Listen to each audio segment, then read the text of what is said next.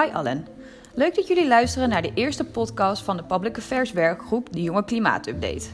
We zullen iedere twee weken de JKU uitsturen, bedoeld voor alle JKB-leden om zo op de hoogte te blijven van de politieke ontwikkelingen. Een groot thema in aanloop naar de provinciale statenverkiezingen is natuurlijk het klimaat. Het is dan ook opvallend dat er geen klimaatdebat meer is ingepland tot en met de week na de verkiezingen. Ze moeten het dus op tv uitvechten.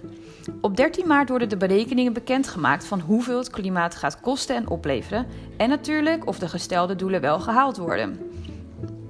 Als dat niet het geval is, kunnen er twee dingen gebeuren: een derde onderhandelingsfase of de politiek gaat zelf de knoop doorhakken.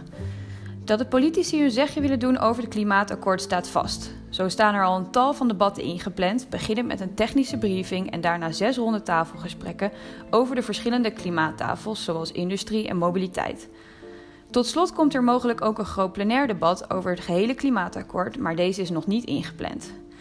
Voor de JKB is er nog een ander onderwerp dat helaas niet bij het klimaatakkoord zit, maar wel erg veel impact heeft op het klimaat.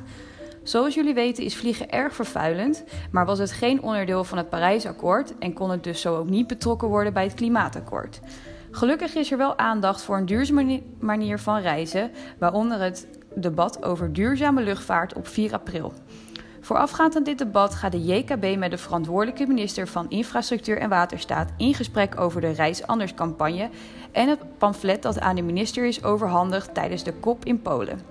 Wil je weten wat er in dit pamflet staat? Kijk dan op de site van de Reis Anders campagne en vergeet niet de belofte te ondertekenen. Heb je vragen of opmerkingen naar aanleiding van deze podcast? Laat het dan even weten via Slack.